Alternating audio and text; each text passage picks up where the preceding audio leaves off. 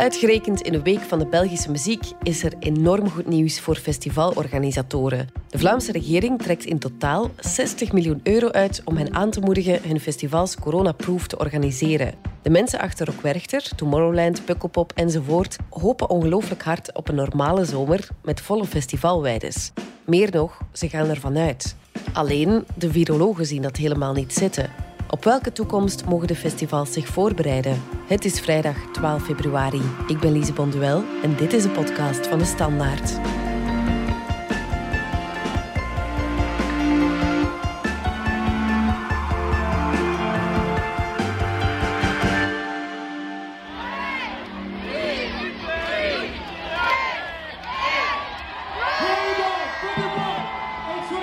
Voor alle duidelijkheid, die uh, steunmaatregelen die de minister De Mier en uh, minister Krevits hebben aangekondigd, die gaan absoluut helpen. En die zullen ook broodnodig zijn deze festivalzomer. Maar zolang dat we natuurlijk niet weten waaraan dat we zullen moeten voldoen, blijft het heel moeilijk, blijft het koffiedik kijken om onze kostenstructuur te gaan moeten opmaken voor deze zomer. En is het dus nog heel moeilijk om te zeggen waar ergens de ondergrens of de bovengrens zal liggen, uh, wat, we, uh, wat we nodig zullen hebben om te kunnen organiseren. Het zal daar effectief wel van afhangen. Dat was Timothy Heining, voorzitter van de Lokerse Feesten. De festivalsector kreeg deze week ineens goed nieuws. Maar eh, Nick Deleu, cultuurjournalist bij De Standaard, hoe zeker is het eigenlijk dat er een festivalzomer komt? Ja, op dit moment is er eigenlijk nog helemaal niets zeker. Hè. Ja. Um, er is zelfs zoveel onzekerheid dat blijkbaar nu zo'n beetje alle mogelijke scenario's op tafel liggen. Dat was de belangrijkste conclusie van een, um, een panelgesprek over de toekomst van de Belgische live-sector dat, dat deze week georganiseerd werd door, um, door Vibe. Daar kwam mm -hmm. de organisator van Rock Werchter, Herman Schuurmans, aan het woord. En plots zei hij, ja, stel nu dat blijkt uit de gesprekken met de overheid dat de overheid eigenlijk nog wat meer tijd nodig heeft om mensen te vaccineren vooraleer er toch festivals zouden kunnen. Dan willen wij eventueel overwegen om Rockwerchter zelfs naar een latere datum te verschuiven. Ah, ja. Ja. dat was iets dat, dat veel mensen niet verwacht hadden, maar blijkbaar is plots een Rockwerchter in augustus of zo, uh, blijkbaar is dat plots een optie. dus dat getuigt wel van ja, hoe onzeker die kaarten momenteel liggen. Ja. En hopen ze nog altijd op volle capaciteit? Um, zolang de overheid nog niet officieel gecommuniceerd heeft over dit mag wel en dit mag niet, houden eigenlijk zo'n beetje alle festivalorganisatoren rekening met het meest ideale scenario. En het meest ideale scenario is gewoon openen. Mm -hmm. Ook dat is een, een, een begrijpelijke reflex. Hè. Als niemand zegt jullie moeten sluiten, dan hoop je natuurlijk dat je mag openen. Ja. Dat was ook een beetje de teneur bij, bij Herman Schuurmans tijdens dat panelgesprek. Die zei van ja, vorig jaar hebben we wel die Werchter Zomerbaar gedaan met 400 of 800 toeschouwers. Maar dat zorgde eigenlijk een beetje voor een perceptieprobleem. Dat was economisch nog altijd uh, zeer onrendabel. Uh, ja. Maar de perceptie ontstond wel van, ah, de sector is terug open. Uh, dus er is een beetje meer terughoudendheid daarvoor. En ze mikken echt wel op die volle capaciteit. Ja, hoe zou je zelf zijn als je een, een, een jaar lang hebt moeten sluiten eigenlijk? Maar eh, we verwachten dat er binnenkort beslissingen zullen genomen worden over, vanuit de overheid die zegt van als we deze zomer evenementen zullen toelaten, dan zijn dit de beperkingen die daaraan worden opgelegd. Mm -hmm. Maar ook die beperkingen uh, kunnen weer alle kanten uit. Hè. Mm -hmm. Misschien um, lijkt het zeer hard op wat er vorig jaar was en, en wordt er gezegd uh, er mag maximaal uh, zoveel volk aanwezig zijn op een evenement. Um, misschien worden er nieuwe beperkingen opgelegd, mm -hmm. zoals elk festival heeft een teststraat nodig waar mensen eerst getest worden of ze positief zijn of niet, voor ze binnen mogen. Momenteel is alles mogelijk. Mm -hmm. Zal er een testdorp nodig zijn om ons festival te kunnen laten doorgaan? Dat is al een heel moeilijk verhaal voor een stadsfestival. Bijvoorbeeld, hè, als je een festival hebt dat op een wijk kan doorgaan, heb je, meer, heb je normaal gezien wel genoeg ruimte. In een stadsfestival, waar je letterlijk elke vierkante centimeter al nodig hebt om een festival te organiseren, kan je niet zomaar ruimte gaan bijcreëren. Hè. Uh, je kan je festivalterrein wel gaan indelen, maar als we bijvoorbeeld moeten zorgen voor een zittend publiek, uh, dan kunnen we nu wel al gaan begroten wat een, wat een tribune kost voor 3000 mensen bijvoorbeeld. Kunnen we daar onze kostenstructuur al op gaan aanpassen. Maar als dan nadien blijkt dat de afstandsregels moeten blijven gelden en we uiteindelijk een tribune van 5000 mensen nodig hebben om die 3000 mensen te kunnen plaatsen, ja, dan zit je weer in een heel ander verhaal. Hè. Vandaar dat het moeilijk zal blijven om een begroting op te maken, zolang dat voor ons niet duidelijk is welke spelregels er zullen zijn deze festivalzomer. Natuurlijk Al die maatregelen hebben hun prijs. Hè. Festivalorganisatoren houden nu angstvallig het kostenplaatje in het oog. Opvallend, de Vlaamse overheid heeft al 60 miljoen euro steun beloofd. Is dat een statement? Het is inderdaad een statement. Um, dat blijkt ook uit de communicatie van de betrokken ministers. Het is Zuhal Demir van, uh, van Toerisme en, uh, en minister Hilde Krevits van Economie en Innovatie. Um, het zijn die twee ministers die nu met dat pakket gekomen zijn van in totaal 60 miljoen euro. En ze willen daarmee eigenlijk onderstrepen dat de Vlaamse overheid die festivalsector nog niet wil loslaten. Ze beseffen dat het een industrie is waar uh, ongeveer 1 miljard euro aan omzet in omgaat. Dat is behoorlijk veel geld. Daar zijn ook heel veel mensen ja. bij betrokken als werknemer. Mm -hmm. En door die steunpakketten uh, aan te kondigen, willen ze eigenlijk die onzekerheid die er heerst al een beetje gaan verzachten. Het is een belangrijk signaal van, kijk, we zijn er wel mee bezig. We geloven er nog altijd in. Ja. En waarvoor dient die steun dan concreet? Het is vanuit het departement van Zuhaldemir komt er 10 miljoen euro aan ja, rechtstreekse steun eigenlijk. Mm -hmm. Dat een organisator kan aanwenden om zijn festival coronaproof te maken. Mm -hmm. uh, wat dat dan betekent, dat hangt af van de creativiteit van die organisator. Dat kan gaan van de aankoop van handshell tot uh, de bouw van zo'n testdorp bijvoorbeeld. Ja. Of misschien is het nodig om een groter terrein te huren om uh, meerdere mensen te kunnen zetten. Of misschien is er wel een organisator die een of ander innovatief podiumconcept bedenkt. Ik denk bijvoorbeeld aan, aan Campo Solar in Damme, dat eigenlijk de grote revelatie was van de vorige festivalzomer. Die hebben plots beslist, wij gaan gewoon een, een, een houten theater bouwen waarin dat we iedereen uh, op voldoende afstand kunnen zetten en er toch nog sfeer is. Vorig jaar hebben die mensen die investering eigenlijk volledig zelf moeten dragen. Onderschat niet de meerkost die komt kijken bij al die extra maatregelen voor corona. Uh, vorig jaar moesten alle optredens zittend gebeuren. Dus het publiek moest altijd neerzitten. Dat betekent wel dat een festivalorganisator plots stoelen en tafels moet laten aanrukken die ze anders niet hebben. Mm -hmm. Die van Crevit, dat gaat over de grootste hap, dat is 50 miljoen euro. Dat is geen rechtstreekse steun eigenlijk. Dat gaat eerder over een garantiefonds, over een zomerfonds eigenlijk. Uh, de bedoeling daarmee is dat organisatoren een soort van voorschot kunnen krijgen van de overheid. De overheid geeft hen een bepaalde som geld. En met dat geld hebben ze de cashflow die ze nu nodig hebben om al te kunnen beginnen met de voorbereidingen. En ze krijgen eigenlijk een beetje de garantie, als het festival volledig wordt geannuleerd, um, dan mogen ze die, dat voorschot houden. Mm -hmm. Als het festival kan doorgaan zoals gepland, dan moeten ze het terugbetalen. Ja. Maar het is een, een hart onder de riem eigenlijk. Ja.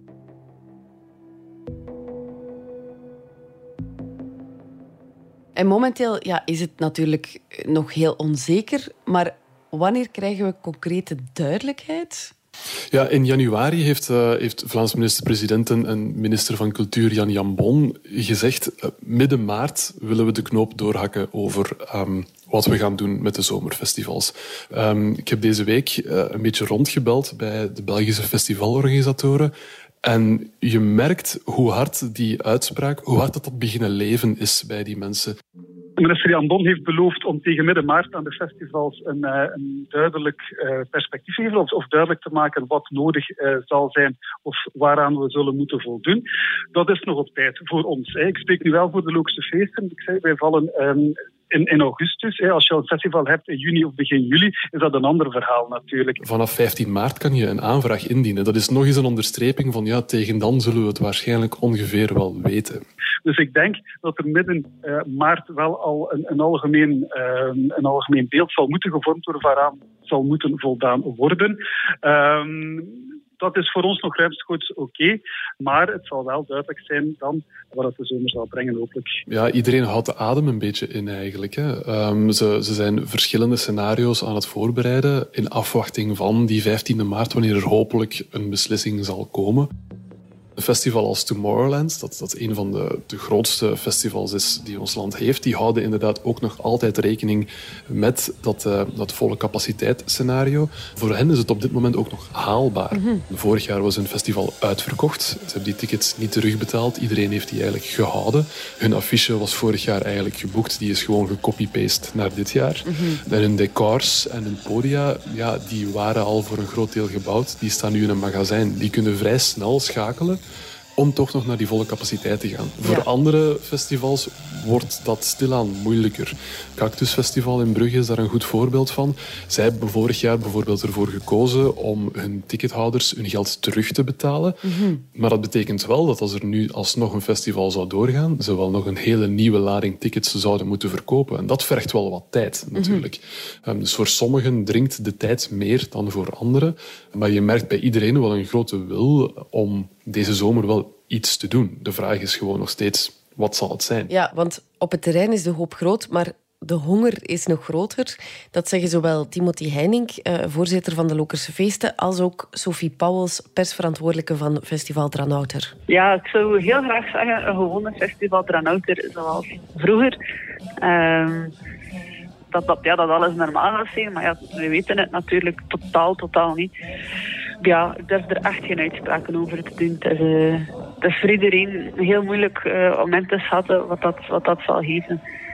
Um, dus we gaan een beetje moeten afwachten, vrees ik. Uh, ons festival gaat door in augustus. Dus wij hopen nog steeds dat wij full option kunnen organiseren. Wij bereiden ons daar ook nog steeds op voor. Maar de goesting is natuurlijk zo groot dat we ook wel al nadenken over wat kunnen we, wat willen we ehm, organiseren als uh, de, de maatregelen of de, de, restricties gekend zullen zijn, hopelijk in midden maart, waaraan dat we als festival zullen moeten kunnen voldoen. Uh, wij zijn eigenlijk vooral achter de schermen bezig met het uh, ontwikkelen en uitdenken van heel erg uiteenlopende scenario's. Um, in de zomer van 2020 hebben we Dranouter zomersessies georganiseerd. Uh, dat was voor 200 à 400 man. De herhaling van de zomersessies is iets wat op tafel ligt. Uh, maar als we mogen dromen, dan uh, denken we toch nog altijd aan een festival Dranouter. Zoals dat we die gewoon eh, normaal kunnen laten doorgaan. Of misschien gaat het iets worden ertussen. Dat staat allemaal nog niet vast. Welke scenario's liggen er al concreet op tafel? Alles tussen een zeer klein festival en een zeer groot festival. Met daar nog eens bij verschillende parameters. Een klein festival met een teststraat, een groot festival zonder teststraat. Eigenlijk ligt alles op tafel wat je maar kan bedenken. Eh, vorig jaar waren ze zich aan het voorbereiden op niets en mochten ze uiteindelijk toch nog een beetje. Eh, nu moeten ze zich voorbereiden tegelijk op het scenario van alles en het scenario van niets. Dat is veel ingewikkelder qua voorbereiding. Ja. Daarom laten de meeste van die festivals ook liever nog niet in, in hun kaarten kijken over hun plan B of hun plan C. Want dan ontstaat het risico uh, alweer van die, die perceptie. Dan gaan ze die onderhandelingen, die besluitvorming van de overheid, misschien een beetje externe druk op gaan zetten. Hè. Eh, als ze zelf met een, uh, met een plan B komen aanzetten, kan het zijn dat de overheid zegt, ah ja, oké, okay, ja, dat is goed, dan gaan we dat doen. En ja. dan willen ze het natuurlijk ten allen prijze vermijden. Ehm. Ja, en hebben ze een belangrijke deadline? Moeten ze bepaalde dingen klaar hebben tegen een bepaalde datum? Dat hangt voor elk festival af van de grootte en, um, en de datum uh, waarop ze vallen. Maar hoe langer de beslissing uitblijft, dus die 15 maart, als dat niet zou gehaald worden, dan wordt het alleen maar moeilijker voor veel organisatoren. En niet noodzakelijk alleen voor hen, maar ook voor de hele keten die erachter zit. Um, een festival, dat is een organisator, maar is dat ook een hele reeks artiesten en uh, leveranciers, standenbouwers, technici. Tomorrowland is daar ook weer een goed voorbeeld van. Zij hebben um, tijdens de afgelopen periode al een van hun vaste standenbouwers failliet zien gaan. Mm -hmm. Dus als zij een nieuw festival willen opzetten, dan gaan zij ook nog moeten zoeken naar een nieuwe leverancier daarvoor. Ja. Er zijn ook technici, uh, gewaardeerde technici in de sector, die al zo lang zitten te wachten op perspectief, dat ze stilaan beginnen te overwegen om van job te veranderen. Er zijn er al een paar die dat gedaan hebben. En hoe langer die beslissing uitblijft, hoe meer dat zullen doen. Ja, en dat geld, die steunmaatregelen van de regering, ja, die bieden natuurlijk geen antwoord op uh, al die vragen. Nee, ja, het kabinet van, van minister Krevits heeft dat uh, eigenlijk redelijk goed samengevat. Uh, ze zeiden, ja, de festivalorganisatoren zitten met twee vragen. De eerste vraag is wat mogen we doen deze zomer? Ja. En de tweede vraag is, hoe gaan jullie ons daarbij helpen? Uh, op die ja. tweede vraag hebben we een antwoord gekregen. Voor de eerste is het nog afwachten op het advies van de virologen. We zijn zo terug na de reclame.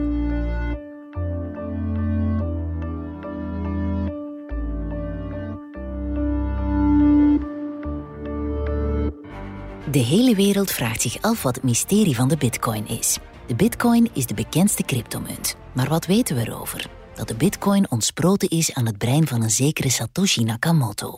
Maar wie verschuilt zich achter dit pseudoniem? Een man, een vrouw, verschillende mensen? Of is het gewoon een algoritme en niet iemand van vlees en bloed? Intrigeert die vraag u ook? Ga dan vlug een kijkje nemen op bit4u.io, het eerste Belgische platform voor al wie actief is rond cryptomunten.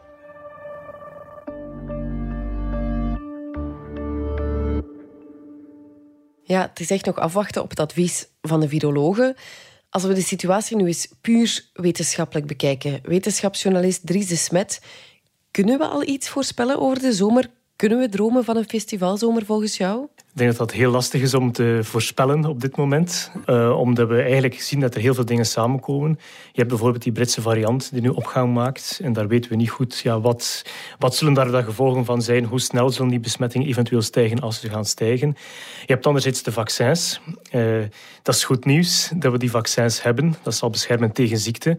Maar we weten daar ook nog veel niet over. We weten niet bijvoorbeeld, uh, zal het helpen tegen besmettingen? En dat maakt echt veel uit. En wat we ook niet weten is hoe snel we zullen vaccineren. Um, we weten dat er heel veel vaccins besteld zijn en die zullen ooit komen. Dat, dat weten we zeker. Maar het duurt wel even te, tegen dat die er zijn en dat mensen ook ingeënt zijn. Neem bijvoorbeeld AstraZeneca. Je krijgt daarvan twee prikjes. Dus eerste prik uh, en dan ten vroegste na vier weken, maar waarschijnlijk zullen we daar meer tijd tussen, tussen laten, misschien zelfs twaalf weken. Uh, wat dan drie maanden zijn, dus tegen dat mensen dan ook helemaal beschermd zijn duurt dat wel lang. Dus het is op dit moment, dat maakt het moeilijk om zelfs op korte termijn voorspellingen te, te maken, laat staan voor in de zomer. Mm Houden festivals echt een groot risico in? Ze gaan toch grotendeels in buitenlicht door? We weten dat buiten veel minder risico is dan binnen. Wat wel zo is bij een festival, is dat er heel veel mensen samen zijn. En dat vormt toch een risico. Als je kijkt naar de epidemiologie van dit virus. Dit virus moet het hebben van superverspreiders. Van mensen die heel veel andere mensen gaan besmetten. En daar is een festival wel een ideale gelegenheid voor, want je hebt daar veel contacten. Uh, mensen gedragen zich al wat losser, wat normaal is op een festival. Maar dat zorgt toch voor een groot risico. En daarom dat ook virologen daar toch wel voorzichtig uh, voor zijn, over zijn over, de, over die festivals. Zeker met wat we nu weten over de nieuwe varianten. Um, we weten er is een Britse variant, een Zuid-Afrikaanse variant, die dan de bestaande immuniteit omzeilt. Wat dan ook een risico vormt voor degenen die al een keer besmet zijn en daarvan denken beschermd te zijn, maar ook de vaccins minder goed werkzaam maken. Dus als je zo'n festival organiseert, een buitenlands festival met heel veel bezoekers, uh, riskeer je het risico om ook andere varianten binnen te brengen. Dan kan je zeggen, ja, laten we dat beperken tot, tot enkel maar België. Maar we weten dat we onze grenzen niet perfect kunnen afsluiten. Wij zijn een open land en we gaan onze grenzen niet helemaal afsluiten. Dus je, je loopt daarmee mee een extra risico. Uh, en vandaar dat virologen eerder zullen zeggen, we laten eerst kleinere evenementen toe, waar dat, dat, dat risico op superverspreiding minder groot is. Men zal eerst kijken hoe loopt dat, voordat men waarschijnlijk de grotere festivals zal gaan toelaten. Mm -hmm. Maar die festivals moeten toch ooit opnieuw kunnen doorgaan? Ja, denk, dat, dat, dat zeker. Ik denk dat we niet moeten doemdenken en denken er is totaal geen perspectief. En we zitten daar voor eeuwig in. Ooit zullen die festivals wel terugkomen. Daar gaan de virologen en epidemiologen ook allemaal wel van uit.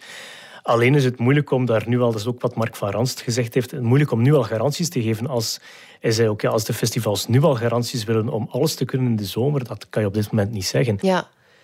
Ja, de festivals kijken nu naar midden maart. Gaan we dan wel uitsluitsel kunnen krijgen over de festivalzomer? We zullen zeker meer weten. De vraag is, gaan we genoeg weten? Er lopen nu bijvoorbeeld studies over die werkzaamheid van die vaccins. Hoe hard beschermt dat tegen besmettelijkheid? Als je gevaccineerd bent, geef je het dan ook nog door. Je wordt minder ziek, dat weten we vrij zeker uit, uit de trials. Maar of dat je het doorgeeft, dat weten we nog niet goed. Dat zal veel uitmaken voor de vraag, kunnen we die festivals laten doorgaan? Want als er allemaal jonge mensen zijn die daar sowieso niet ziek van worden, maar wel het aan elkaar doorgeven, dan kan dat opnieuw overslaan naar een ander deel van de bevolking die bijvoorbeeld nog niet ingeënt is of waar het vaccin niet goed aanslaat. Dus dat, dat vormt een risico. En wat ook interessant is, is bijvoorbeeld Israël. In Israël zijn er al heel veel mensen gevaccineerd. Je hebt daar al heel veel mensen die een tweede prik hebben, zeker bij de oudere bevolking. We zien daar nu al de eerste resultaten van, namelijk dat oudere mensen minder vaak besmet geraken, minder vaak ziek worden. En daar zullen we snel zien, ja, wat, wat kan daar al? Hoe snel dooft hun tweede golf daaruit? Okay, binnen half maart, dan zijn we opnieuw een dikke maand verder. Dan gaan we zien of, of, of we daar al iets kunnen uit leren. Nu, Nick, als ik Dries zo hoor, dan, Ja, dan lijkt het mij bijna straf dat de virologen een fiat gaan geven voor uh, de festivals op volle capaciteit. Daar heeft, het, uh, daar heeft het al schijn van. Maar dat betekent natuurlijk niet noodzakelijk dat er überhaupt niets mogelijk is. Uh, ik ben vorig jaar op een aantal van die evenementen geweest. Uh, heel erg los ging het daar niet noodzakelijk aan toe. Er werden zeer veel inspanningen geleverd naar bijvoorbeeld handshellstations, naar verschillende ingangen om de publiekstromen te kunnen gaan scheiden van elkaar publieken moesten neerzitten uh, om niet te veel verloop te krijgen. Er waren artiesten die moesten vragen aan mensen om niet mee te zingen en, uh, en vooral niet te gaan dansen. Dus de festivalsector heeft vorig jaar bewezen dat ze zich bewust zijn van de gezondheidsrisico's en dat ze heel hard hun best doen om zich te houden aan die protocollen. Um, ik kan me ook geen gevallen herinneren van ja, clusters of uitbraken die er um, zouden vastgesteld zijn op de toch niet onaardig veel uh, activiteiten die er geweest zijn. Organisatoren beseffen dat ook en ze, ze willen uh, ook dit jaar uh, intekenen op alle mogelijke maatregelen die kunnen helpen om de verspreiding van dat virus te gaan bestrijden, want het is ook in hun eigen belang. En er zijn al wel wat uh, internationale testprojecten geweest op dat vlak ook. Er wordt heel vaak verwezen naar een proefproject dat uh, in december in Barcelona is gebeurd, in het kader van het Primavera Festival. Ah. Daar hebben ze eigenlijk voor de ingang van het concert een, een dus voor mensen binnengingen bij het concert, moesten die allemaal een sneltest afleggen. Uh, wie negatief was, mocht binnen. En uh, nadien zijn die mensen dan ook nog eens opgevolgd. Er bleek geen virusuitbraak te zijn tijdens dat concert. Maar het, het, toont wel aan dat er met creatief nadenken wel mogelijkheden zijn. Dat een festival niet noodzakelijk uh, hoeft te betekenen dat honderdduizend mensen uh, door elkaar lopen in mekaars gezicht te schrijven. En nu, als de festivals doorgaan, uh, heeft de coronacrisis mogelijk ook een effect op de affiche? Um, ja, het is, het is, natuurlijk een beetje aftoetsen bij de artiesten zelf, uh, wat dat zij haalbaar zien uh, en ook wat dat er mogelijk is van de overheid. Um, het is allemaal nog een klein beetje voorbarig. naar programmatie toe uh, hebben er al heel wat groepen opnieuw uh, toegezegd voor, die, die vorig jaar al hadden geboekt. Het zal allemaal afhangen van wat er mogelijk zal zijn voor die internationale bands en acts uh, om naar België te reizen. Of dat het sowieso mogelijk zal zijn. Um, daarnaast natuurlijk weten we dat de sector heel hard aan elkaar hangt en elkaar ook brood nodig heeft. Hè. Dus de, er zal heel snel moeten geswitcht worden en heel snel moeten geschakeld worden op het moment dat die nieuwe restricties of die maatregelen zullen bekend zijn. En dan zal er heel snel, zowel door agencies als door uh, organisatoren, als door leveranciers, als door de groepen zelf, heel snel moeten geschakeld worden, heel snel overleg moeten gepleegd worden om te kijken hoe elk festival dan toch een valabele programmatie deze zomer zal kunnen brengen. Maar ook daar, daar maak ik me absoluut geen zorgen in. Ik denk nogmaals dat de goesting uh, bij alle, um, bij alle verschillende uh, onderdelen die een festival nodig heeft of die een festival groot maken, dat die absoluut voorhanden is, die goesting. En ik denk dat we daar zeker en vast zullen uitgeraken. Nick, wat denk jij? Stel dat een festivalzomer toch kan doorgaan, zal de coronacrisis een impact hebben op de programmatie? Ik denk alleszins dat de, de, affiches die nu al bekend zijn, dat die in sommige gevallen zeer ambitieus zijn. Rock Werchter heeft Pearl Jam geprogrammeerd en Red Hot Chili Peppers. Dat zijn mm -hmm. Amerikaanse bands. Ja, als die naar, deze zomer naar Europa komen, weet ik niet of, dat ze, of dat ze de Verenigde Staten nog opnieuw zullen mogen binnengaan. uh, Doer bijvoorbeeld heeft, uh, heeft de Britse rapper Stormzy geprogrammeerd. Ja. Dat, is een, dat is een enorme ster. Maar die heeft niet alleen de, de coronacrisis, maar ook nog eens de brexit waar hij mee moet afrekenen om hier te geraken.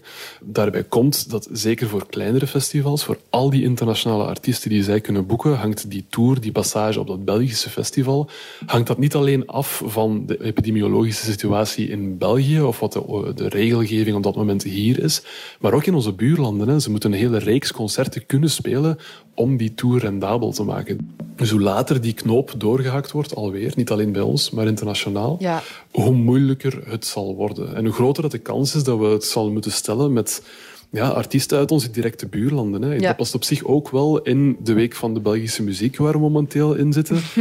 ja, het hele punt was in de verf zetten dat die Belgische muziek dat die ook enorm goed is. Hè, en dat we daar um, ook mooie festivals mee kunnen organiseren. Het zal wel zijn.